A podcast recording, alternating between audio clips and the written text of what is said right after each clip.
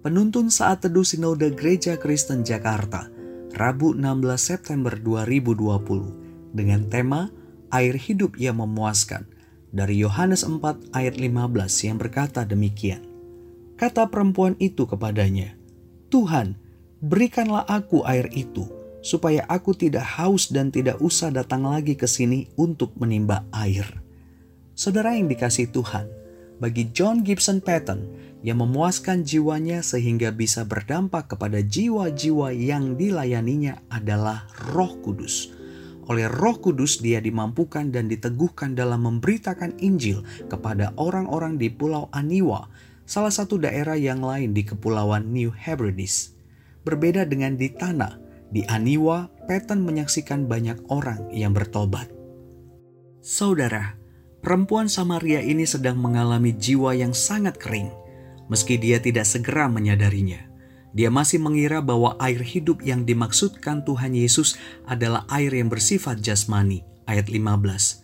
Namun di balik permintaannya kepada Tuhan Yesus, tersirat gambaran jiwanya yang sangat kelelahan dan tidak ada kepuasan.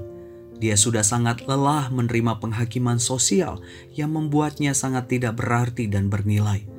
Sepertinya perempuan ini benar-benar ingin mengurung diri, Makanya dia meminta air yang bisa terus memuaskannya tanpa harus ditimba lagi. Sementara perempuan ini meminta air jasmani, Kristus justru memberi air hidup, yaitu Roh Kudus yang sanggup memuaskan kekeringan jiwanya. Sebelumnya Tuhan Yesus yang meminta air kepada perempuan ini.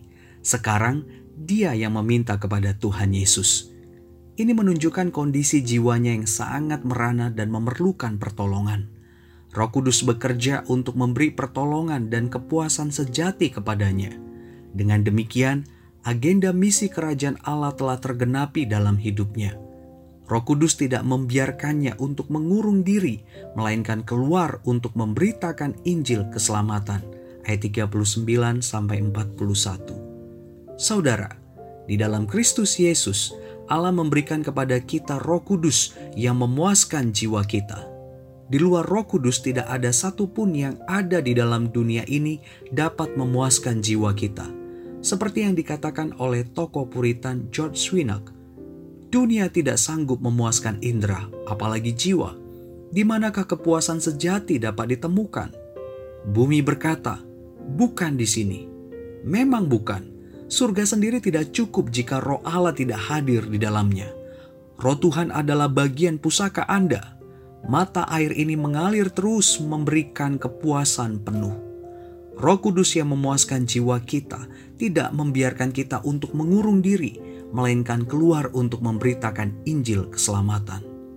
Roh Kudus memberikan kita kepuasan sejati, sehingga kita tidak dibiarkan untuk mengurung diri, melainkan keluar untuk memberitakan Injil keselamatan kepada banyak orang. Tuhan Yesus memberkati.